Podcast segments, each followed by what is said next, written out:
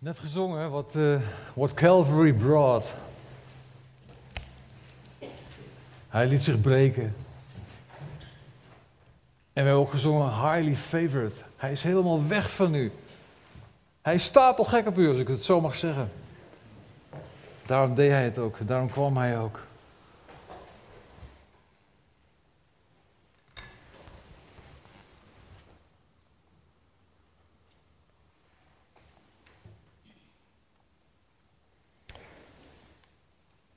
Iemand wel eens gehoord van Barry McGuire?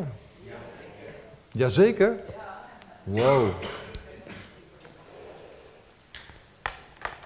Hij was een uh, bekende, nou ja, min of meer protestzanger.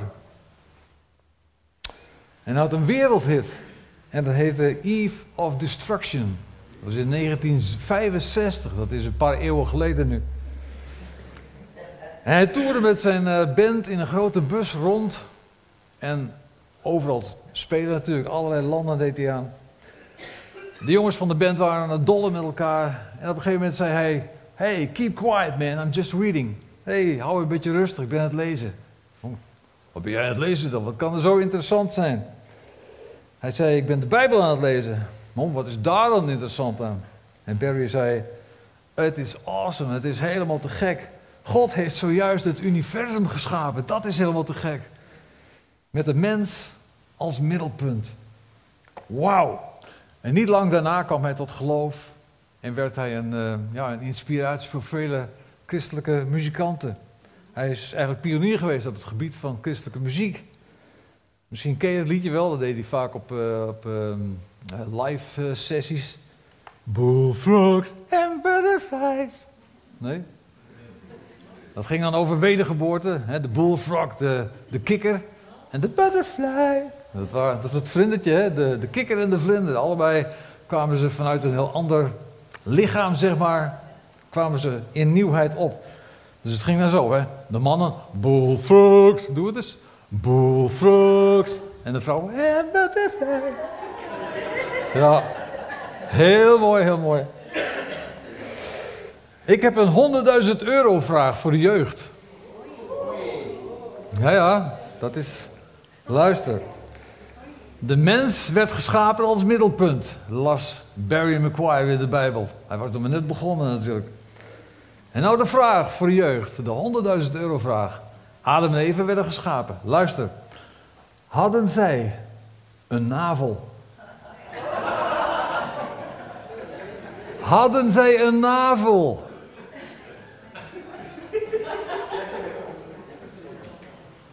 Ja, ik wil graag handen zien voor iemand die zegt van, ik weet het. Ja? Nee. Je zou inderdaad denken van nee. Ja, ik weet het ook niet hoor.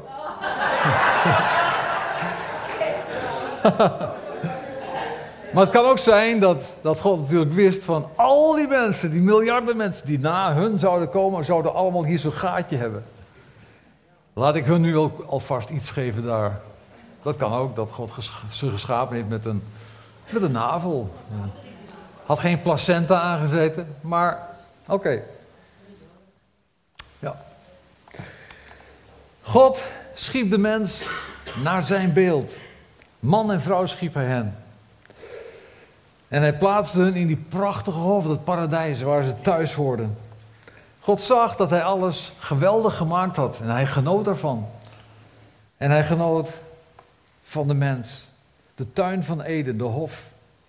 En als de dag voorbij was, dan kwam hij daar in de avondkoelte. Hij wandelde daar rond en hij zocht Adam en Eva op. En ze waren samen in die avondkoelte. Heerlijk. Een geweldig moment. God genoot ervan en uiteraard Adam en Eva ook. Ze wisten, hij kwam, ze konden hem weer verwachten. Het werd koel, de avond kwam en God zou komen. En God kwam tot aan die dag. Die alles vernietigende dag. Die dag dat alles veranderde. De dag dat de slang 1-0 scoorde. Met verstrekkende gevolgen. En toen Adam en Eva het geluid hoorden van, ja, van, van God in de hof. En de avondkoelte kwam. En ze wisten, we hebben dingen gedaan die, niet, die we niet zouden mogen doen, niet, niet moesten doen. Verborgen man en vrouw zich in de hof, zodat God ze niet zouden kunnen zien. De psalmen waren toen nog niet geschreven, anders hadden ze kunnen weten dat Psalm 139 zegt: Waar zou ik me voor u verbergen? Als ik naar de dodenreek zou afdalen, dan was u daar. Verborg ik me in het donker, ook daar zou u mij vinden. Ze zouden weten, God, je kunt je niet voor God verbergen. Je kunt je niet voor God verstoppen. Hij is daar en hij ziet je. Er is geen ontkomen aan. En God riep de mens bij zich en hij zei: Adam, waar ben je? Misschien riep hij, misschien sprak hij, misschien was hij vlakbij. Ze hoorden zijn stem. Drie woorden waarin een, waarin een enorme waarheidsschool. Adam, waar ben je? Waarom heb je je verstopt? Wat is er gebeurd? En denk je dat God niet wist dat Adam en Eva zich verstopt hadden en waar hij zich verstopt had? Natuurlijk wist God dat. Maar hij nodigde hen uit. Hij zei: Waar ben je? Kom tevoorschijn. Maar het mooie samen zijn was kapot gemaakt. De relatie met de Creator, met die prachtige, ja, die, die prachtige relatie met die Creator, die was vernield. Het was niet meer de Creator en wij, maar het is wij zonder God. En ze keken elkaar aan en ze zagen dat ze naakt waren. Niet alleen zonder kleren, maar ze waren op vele manieren naakt. Ze kenden de schaamte ineens bij elkaar. Ze zagen het werk van de zonde. De relatie met de schepper kapot en verbroken. En het was stil in de hof. Heel stil in die hof. Misschien hielden zelfs de dieren hun, adem wel in. Als daar die roep weer klinkt: Adam, waar ben je? Adam, het had net zo goed mijn naam kunnen zijn. Rijn, waar ben je? Bas, waar ben je? Neeltje, waar ben je? Martien. Had net zo goed onze naam kunnen zijn. God heeft altijd naar de mens gezocht. Maar hij wist ook dat de mens zich verstopt. Want je kunt je voor God niet verstoppen. Velen van ons hebben dat misschien geprobeerd, je voor God verstoppen. Ik heb altijd gezegd, ik geloof wel in God, maar ik wil niks met hem te maken hebben. Dat vond ik lastig. Dan werd mijn leven beperkt, dacht ik. Dan mocht ik dit niet meer, dan zou ik dat moeten doen. Ik wilde dat niet, dus ja, ik verstopte me eigenlijk achter dat verhaal. Ik geloof wel in God. Dan hou je de, de mensen die getuigen, die hou je een beetje rustig. Maar ik wil niks met hem te maken hebben. Gisteravond dacht ik nog aan een vreselijk moment. Dat ik een keer op een feestje was. Ik, dacht, ik was niet bekeerd, maar ik had wel een bekeerde collega die me altijd be-evangeliseerde. Uiteindelijk met succes, prijs de Heer. En ik zie me nog zitten op dat feestje.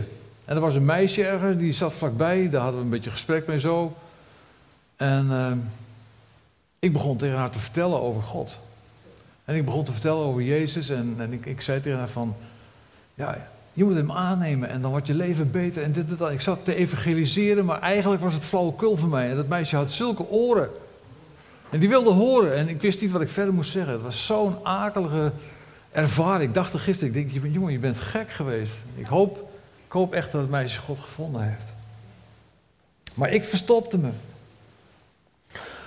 Maar God beloofde direct al daar in die hof dat hij de kop van de slang zou vermorzelen de slang, het beeld van Satan. Direct al, vanaf het allereerste begin, zei God: Oké, 1-0 voor jou, maar er komen veel meer doelpunten voor mij. Je zult verliezen, je gaat verliezen. Er zal uitreding komen voor mijn volk. Zelfs zo dat het een, zal wonen in een rustig land vol van melk en honing. De eerste mensen plaatste hij in die hof, in, in dat paradijs.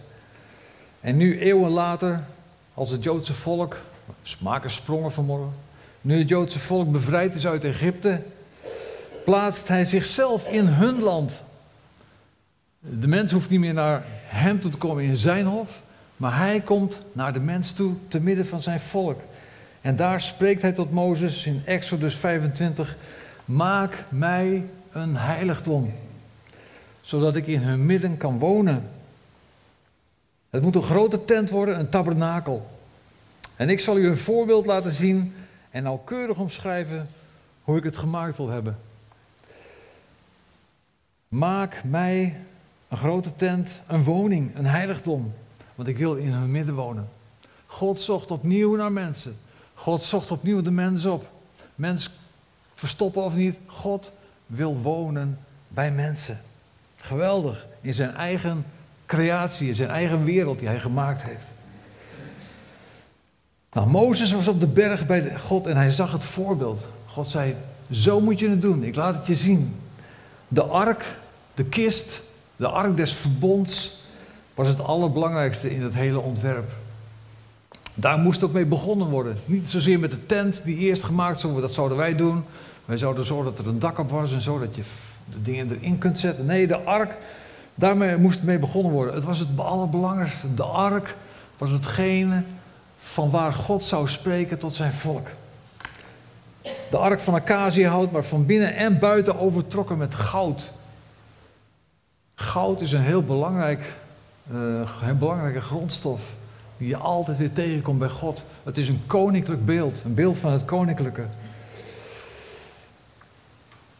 In de ark kwamen de twee stenen tafelen te liggen, de tien woorden van God, de wet, die door Gods vinger zelf geschreven was. De woorden van het verbond met zijn volk. En daarnaast was er een gouden kruikje met manna, de bloeiende staf van Aaron.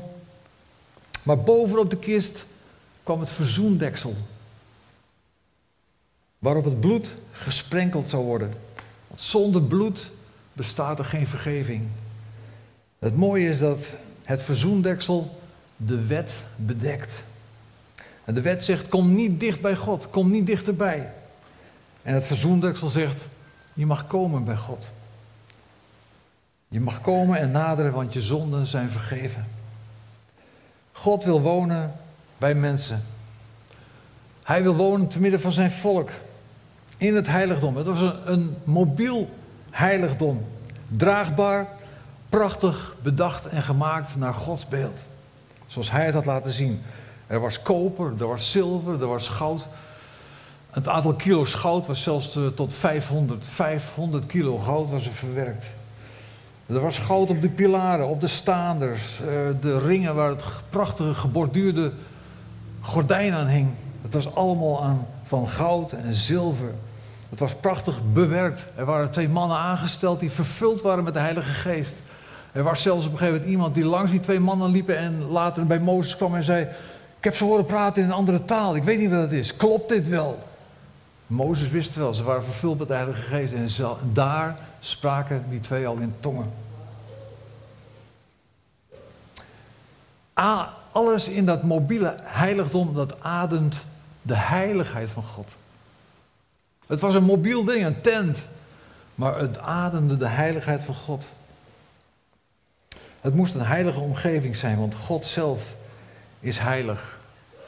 Weet je, je ziet ze al weer opbreken, alles, alles uit elkaar halen. Het was niet zomaar een kleine tent, maar er was een grote zeskantige deur, heb ik ergens gelezen, zat erin, waarin dat gordijn hing. En, en het waren enorme pilaren. Het was niet een, een, tentstok van uh, eh, 2 meter 20 of zo. Dat waren echt grote dingen en grote, grote voeten waar het op stond. Er moest gesjouwd worden. Er waren honderden mensen, mannen nodig, die iedere keer alles afbraken en het onder hun arm meenamen. Op, op weg naar de volgende plaats waar het opgebouwd zou worden. Ik weet niet wat, misschien moesten ze de hele dag sjouwen met 25 kilo. Ik zeg maar wat, hè? maar het was een enorm ding.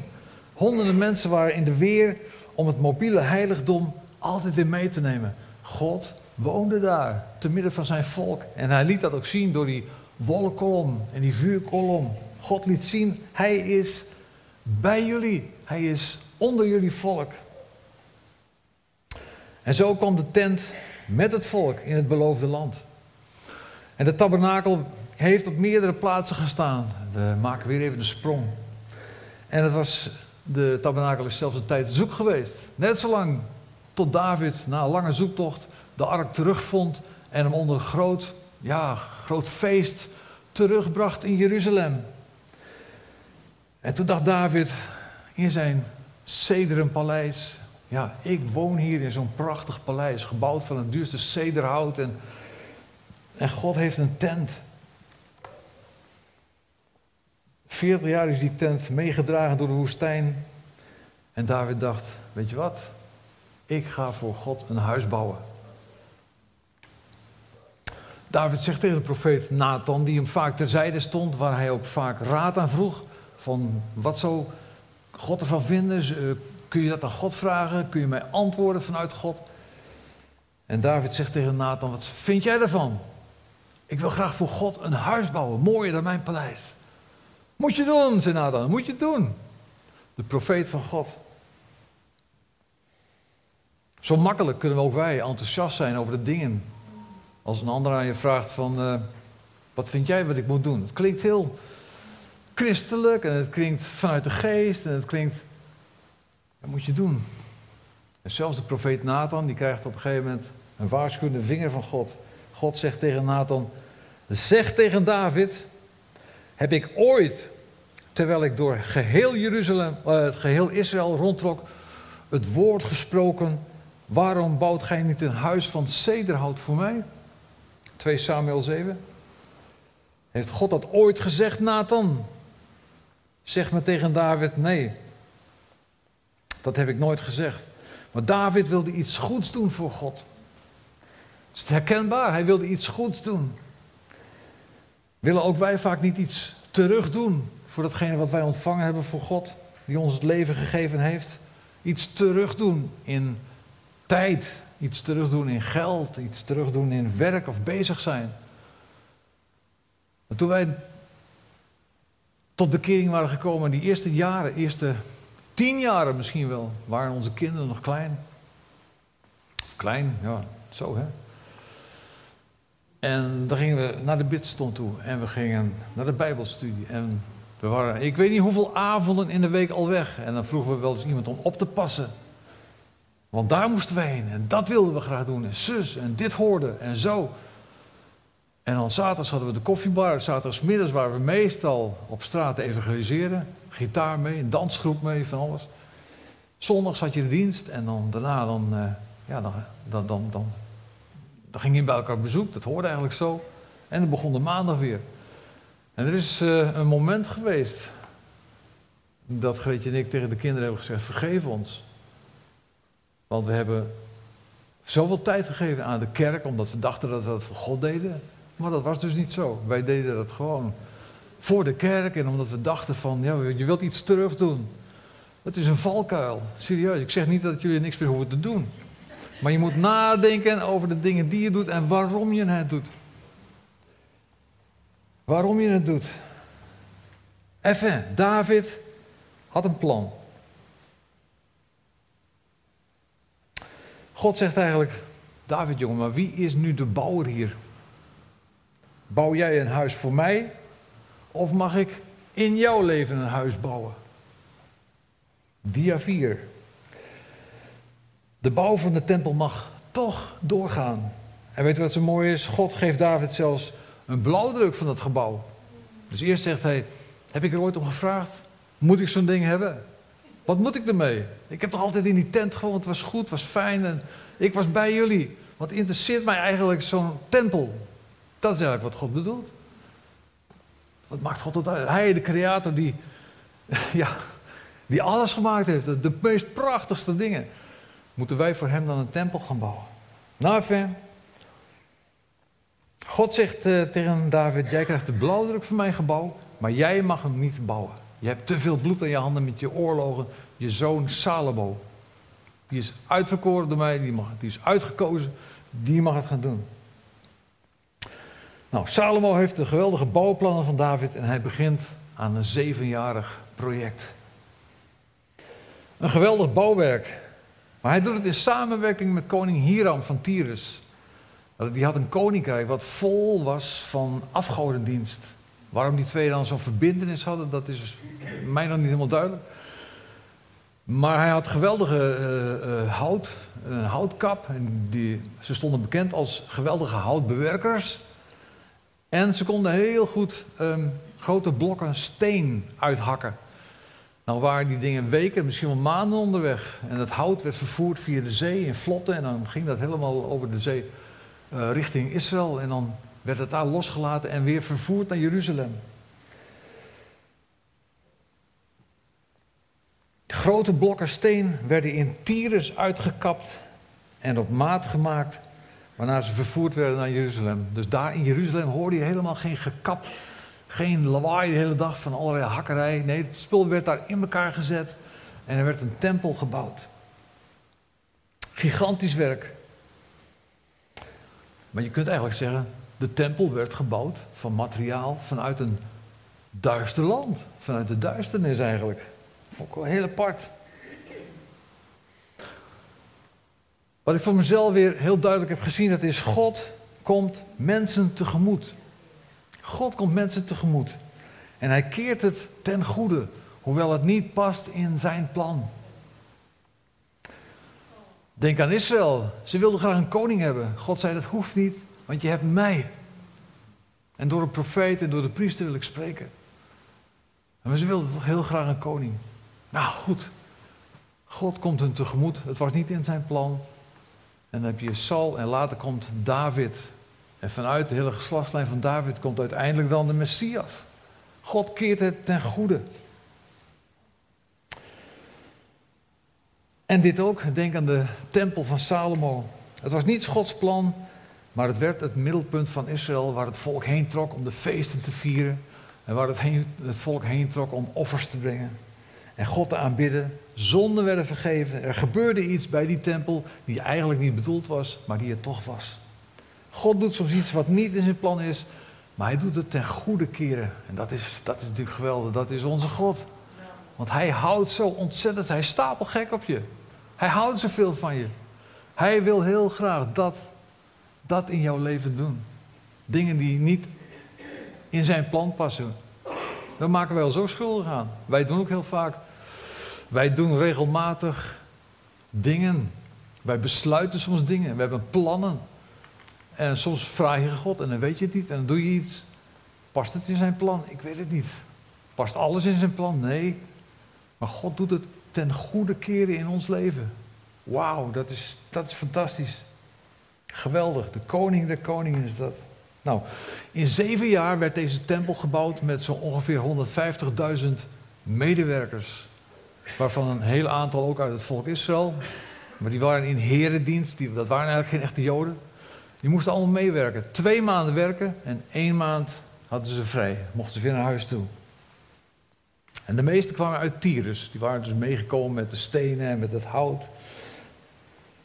En na, weer, maken weer een sprong. Na vijf eeuwen gebruikt te zijn als tempel, werd de tempel verwoest. En de tempel werd daarna zelfs twee keer opgebouwd. En het bleef een indrukwekkend gebouw.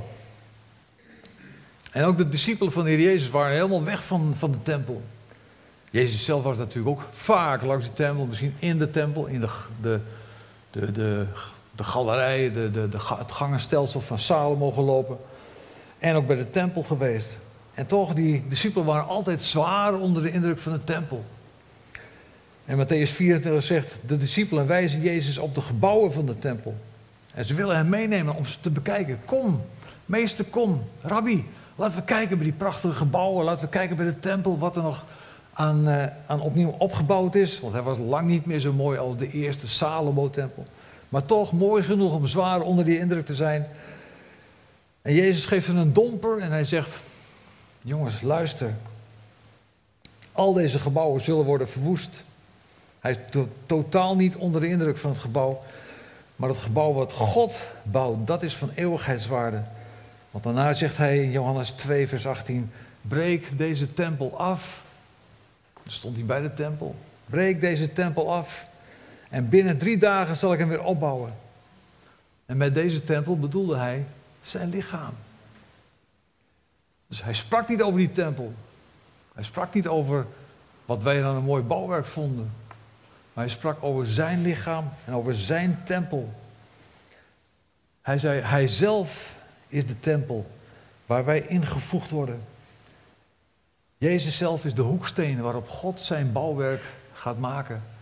Een hoeksteen, dat is Een grote, een grote steen eigenlijk, waar die muur op aangesloten wordt en die muur. Zodat in ieder geval die hoeken, dat ze goed staan en vaststaan. Hij zelf is de tempel waar wij ingevoegd worden. Op de hoeksteen Jezus Christus. En Peter zegt in zijn eerste brief: U moet zich door God laten gebruiken als levende stenen, waarmee Hij zijn geestelijke huis bouwt. Is dit een tempel? Ja, dit is misschien ook een, een tempel, een ingebouw. Wij, wij zijn de levende stenen, wij bouwen, wij worden ook ingebouwd, ingevoegd in, het, in de tempel van Jezus Christus. Maar de kerk wereldwijd is eigenlijk de tempel van God. De, ja, de, de tempel Gods, daar is aanbidding. Daar klinkt over heel de wereld de stem van God in de wolk van Gods heerlijkheid. Zoals die eenmaal klonk in de tabernakel boven het verzoendeksel. Dan verscheen die wolk en in die wolk, als er aanbidding was, verscheen die wolk en in die wolk was, daar was God en hij sprak. Nou, die wolk van heerlijkheid mogen wij ook ervaren als we aanbidden. Wereldwijd, maar ook hier plaatselijk. Wij worden ingebouwd en wij vormen samen ook een deel van de tempel. Een plaats waar God woont. Niet een plaats gebouwd met handen, maar een plaats bereid door Jezus Christus. Nog een vraagje, dat is voor de ouderen onder ons. Of, nee, nee, dat is niet goed dat ik zeg. Want dan ga ik er eigenlijk vanuit dat die jongelui geen kranten lezen of, of nieuws lezen. Voor iedereen dan. Wie kent Oost-Sauburg? Oost-Sauburg, een plaatsje. Zeeland? Ja. De afgelopen maand uh, nogal hilarisch in het nieuws geweest. Weet iemand dat nog? Misschien uh, die andere dia van de architect. Een hele school is verkeerd omgebouwd. De achterkant staat voor en de voorkant staat achter. Dus het schoolplein dat is nu in het steegje waar de achterburen wonen. En ze hebben zich afgevraagd, het dak zat er zelfs op. Sommige wanden waren eigenlijk klaar om dichtgemaakt te worden de fundering, het staalconstructiegedeelte. Heeft er nooit iemand gezegd van, klopt dit wel? Hadden ze geen blauwdruk? Daar kan je gewoon niks meer voorstellen. Tot een conciërge op een gegeven moment zei van... Ik vind het toch vreemd. Ik heb die plannen ook gezien. Ik heb die kleine maquette gezien, hoe het zou worden. Volgens mij is het toch anders. Ik heb al gedacht van... Hier moet ik dus straks onder de trap gaan vegen. Maar dan moet ik een heel eind omlopen, want die trap staat daar. Dus hij heeft gebeld met het hoofd van de school. En die heeft nog eens gekeken. En die heeft weer gebeld met de werkuitvoerder. Iedereen sliep. Waar is toch die architect gebleven? Als je geen contact hebt met de architect van je bouwwerk, dan gebeuren er zulke dingen. Ik denk, ja, dat is, de tempel is ook ons bouwwerk. Als er geen contact is met de architect, onze architect let daar echt wel op. Maar het is meer even hè, figuurlijk gesproken. Wij willen worden ingevoegd in die tempel Gods. Zoals de stenen van de tempel van Salomo. Ze werden uitgekapt uit de duisternis. Ze werden op maat gemaakt en ingevoegd. Ik denk, ja, dat is toch een mooi beeld. Wij zijn ook uitgekapt uit de duisternis. God heeft een plan Jij bent zo groot, jij wordt zo groot, dat vertrouw ik jou toe. Ik heb een foto gezien van, eh, van een steen. Dat was een, een, eh, een gedeelte van een fundament van een tempel, van de tempel in Jeruzalem.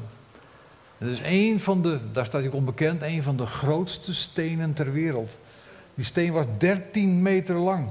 13 met één steen. Ik weet niet of hier mensen zijn die uitgekapt zijn. Maar God heeft bedoeld, jij wordt iets van 13 meter. Je krijgt enorm veel verantwoordelijkheid. Of ik ga iets geweldigs groots met je doen. Ik, ik, ik wil jullie daarmee zegenen. Ja, dat je iets geweldigs voor God gaat doen. Heerlijk. Ingevoegd en uitgekapt en ingevoegd. Uitgekapt uit de wereld. Ingevoegd in het koninkrijk van God, in zijn tempel. Maar er is nog veel meer geweldig nieuws. Want Lucas 22, daar zegt de Heer Jezus, kunnen we misschien samen lezen.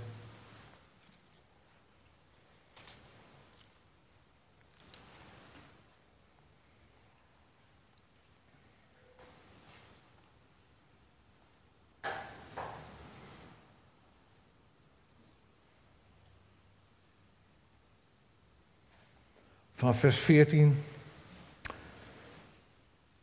Lucas 22, 14. Toen het uur aangebroken was, ging hij aanliggen en de apostelen met hem. En hij zeide tot hen: Ik heb vurig begeerd dit paasjaar met u te eten, voor ik leid. Want ik zeg u dat ik het voorzeker niet meer eten zal voordat het vervuld is in het koninkrijk van God. En hij nam een beker op, sprak de dankzegging uit en zei: Neem deze en laat mij rondgaan. Want ik zeg u, ik zal van nu aan voorzeker niet van de vrucht van de wijnstok drinken, drinken voordat het koninkrijk van God gekomen is.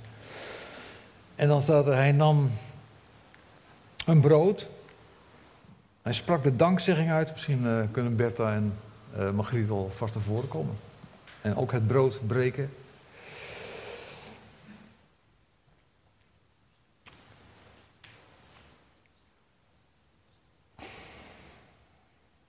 Hij nam een brood, hij sprak de dankzegging uit.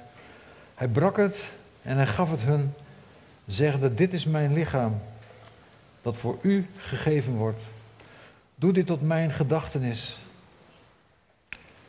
En evenzo die beker na de maaltijd, zeggende: Deze beker is het nieuwe verbond in mijn bloed, die voor u uitgegoten wordt. We worden uitgenodigd ook vanmorgen om deel te hebben aan het avondmaal. God nodigt ons uit, omdat hij zo weg van jullie is. Hij is weg van ieder van ons. Hij houdt zoveel van je. Daarom nodigt hij je ook uit om aan, aan zijn tafel deel te hebben. En misschien dat je zegt van, nou, ik weet het niet. Ik, ik denk dat het beter is om niet mee te doen. Of ik ken God niet op die manier. Laat het ook gerust aan je voorbij gaan. Dat is alleen maar een zegen voor jezelf. Maar zorg ervoor dat je de volgende keer fijn mee kunt doen. God nodigt ons uit. Hij wil je invoegen. We gaan het avondmaal vieren met elkaar. En daarna wil ik nog een klein stukje van de preek afmaken. Dan komt er een tijd van voorbeden. Ook heel belangrijk. laten we ons nu voorbereiden op uh, datgene wat gaat komen op het, op het avondmaal. Uh, er ligt de microfoon. Misschien willen jullie ook een zegen vragen over brood en Bert over de wijn. Ja, pak maar één, ik weet het niet. Zullen we gaan staan erbij?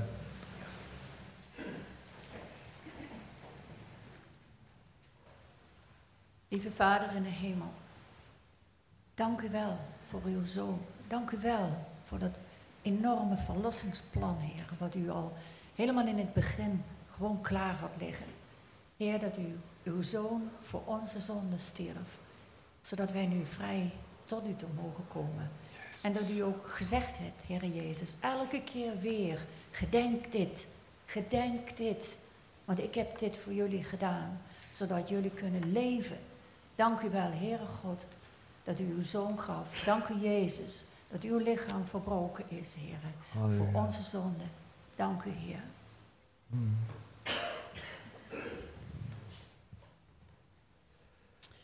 Ja, Vader in de hemel, u bent ja, onze architect. Hmm. En dat u dit bedacht hebt, dat we deze maaltijd en het drinken van de, van de wijn mogen doen Heren, alleen ter herinnering aan u. Heren, wat een goedheid. Ja. Dank u wel. En ik vraag uw zegen hierover. Ja, Jezus. Ja. ja, het is mooi dat Paulus ook ergens zegt van... Uh, jullie zijn één brood. We zijn aan elkaar verbonden. Ja, breng het maar rond. Ja. We zijn aan elkaar verbonden. Dus laten we het eh, vasthouden, het brood, zodat we het, zodat we het samen kunnen eten. En ondertussen gaan we luisteren naar een mooi, een mooi lied, wat je misschien ook kunt meezingen.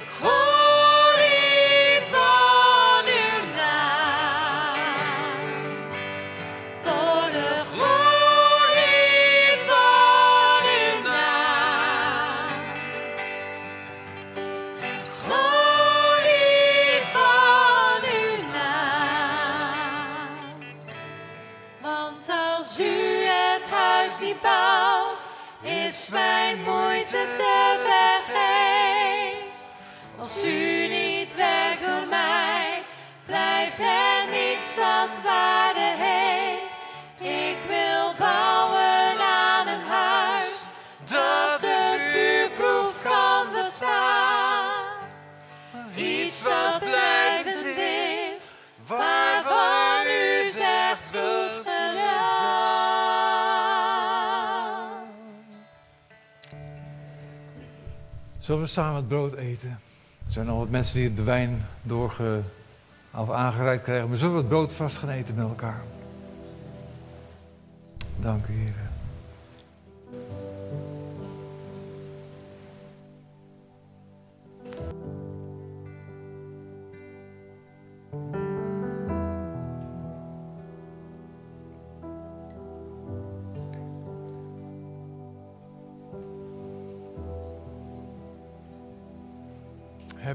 Zegt, zegt Heer Jezus, heb deel eraan. Iedere keer als je aan mij denkt.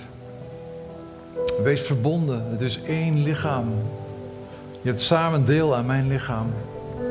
Dat is die eenheid. We zijn verbonden met elkaar. Maar we zijn ook afzonderlijk verbonden met de hoeksteen. Met Jezus Christus. Samen vormen we die tempel van God. Een tempel is een plaats waar ontmoeting is met God. Waar aanbidding is. Waar verering van Hem is. Het is ook een plaats waar de wet wordt bedekt door het verzoendeksel. Een plaats waar het bloed gevloeid heeft. Een plaats waar de kracht van het bloed nog altijd tastbaar is. Omdat er vergeving is. En wij mogen met het drinken van ja, deze symbolische wijn ook ehm, die vergeving ontvangen. Iedere keer opnieuw. Weten dat we vergeven zijn. Weten dat God ons lief heeft. Dat hij ons gezocht heeft, dat hij riep, Rijn, waar ben je? Adam, waar ben je? Gemeente, waar ben je? En hij heeft ons gevonden. En nu mogen wij gereinigd zijn. Nieuwe, gereinigde mensen. Zullen we het samen drinken?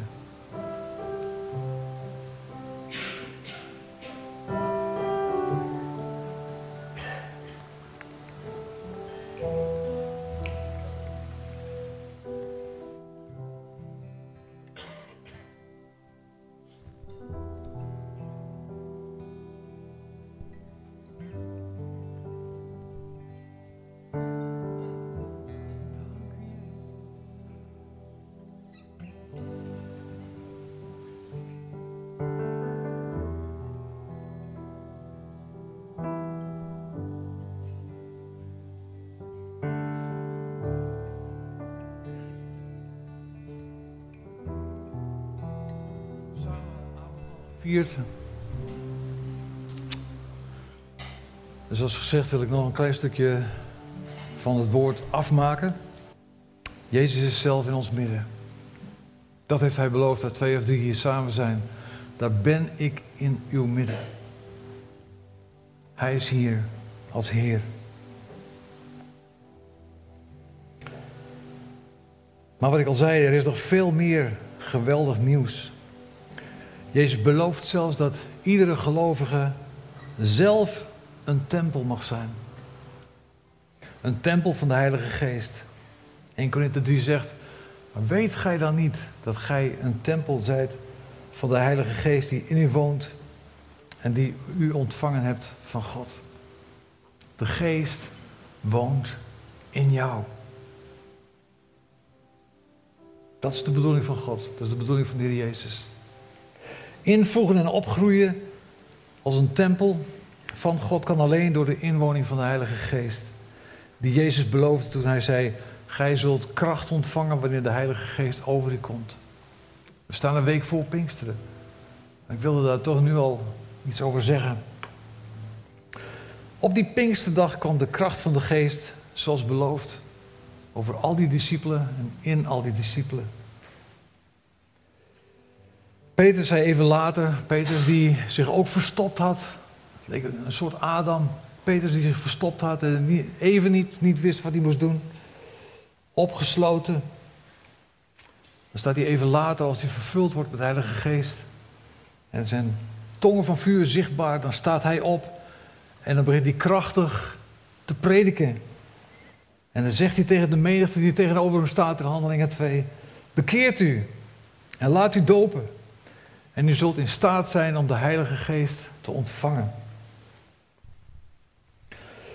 De gelovigen in Handelingen 8, die waren gedoopt in de naam van de Heer Jezus. Maar ze wisten niets af van de Heilige Geest. Ze waren gedoopt in Jezus' naam, hadden de Geest nog niet ontvangen, staat er. Maar Petrus en Johannes, die, die waren in contact gekomen met hen. En ze legden hen de handen op en ze werden vervuld met de Heilige Geest. Halleluja. Dat vond ik zo apart altijd. Zou het toch bij elkaar horen? Het opleggen van handen, het bidden voor de doop met de Heilige Geest, het bidden voor dat, dat God mensen vervult, of gaat dat automatisch? Ik weet het niet.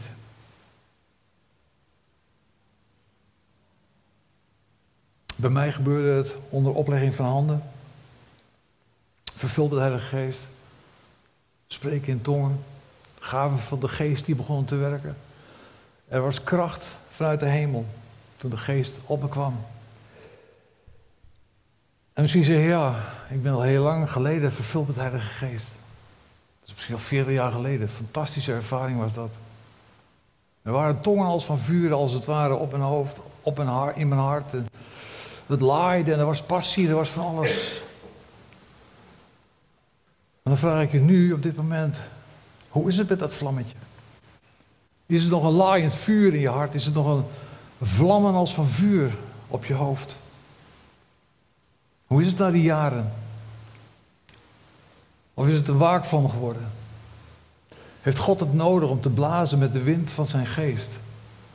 Zodat het aangewakkerd wordt en het weer gepassioneerd is en er weer een vuur ontstaat. En je weer in vuur en vlam komt te staan. Dat is helemaal geen probleem. Dat we, we zijn met elkaar als kerk door een hele moeilijke situatie gegaan de afgelopen jaren. Ook corona heeft zijn werk gedaan. En uh, we hebben veel thuis gezeten, televisie kijken naar de dienst. Dat is allemaal heel anders. Je ervaart die gemeenschap op een heel andere manier.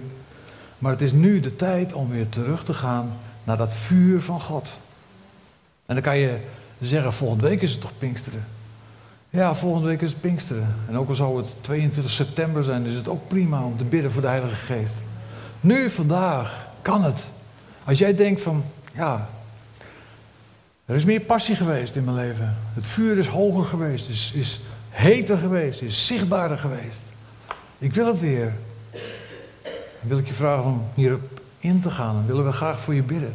Er is een gebedsteam, er zijn mensen die voor je willen bidden. Willen je de handen opleggen. Willen je zegenen, zodat God zijn geest in alle volheid opnieuw weer kan laten stromen. Tongen als van vuur. Brandt het goddelijke vuur nog in je?